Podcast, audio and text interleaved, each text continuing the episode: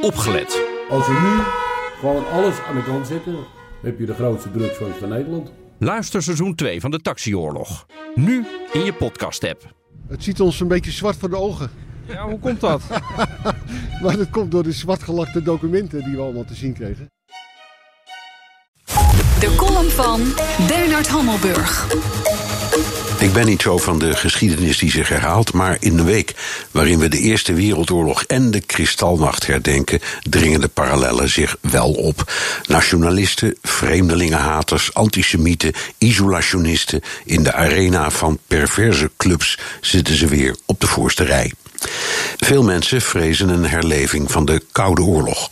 Als je de definitie hanteert van de Spanjaard Don Juan Manuel uit de 14e eeuw, de eerste die de term gebruikte, zit er misschien iets in. Hij bedoelde het toenmalige conflict tussen christendom en islam.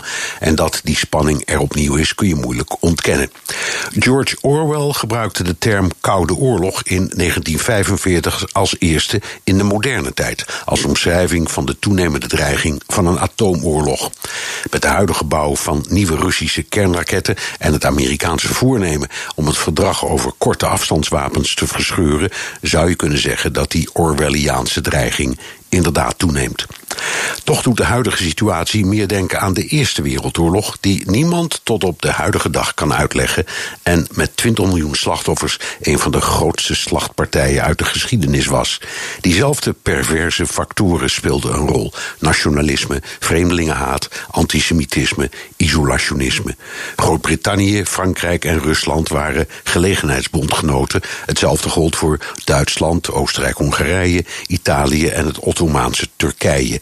Bittere, bijna sectarische haat lag eraan ten grondslag en ordinair landjepik. Zoals het Midden-Oosten, dat door het Brits-Franse duo Sykes en Picot met rechte lineaallijnen op een landkaart in het geheim en met instemming van Rusland tussen Britten en Fransen werd verdeeld.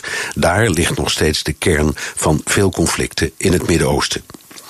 De huidige verharding in Europa en de teloorgang van de liberaal-democratie vertonen overeenkomsten met de opmaat naar de Eerste Wereldoorlog. Het toenemende racisme en antisemitisme roepen herinneringen op aan de opmaat naar de Kristalnacht. Het ligt allemaal in elkaars verlengde.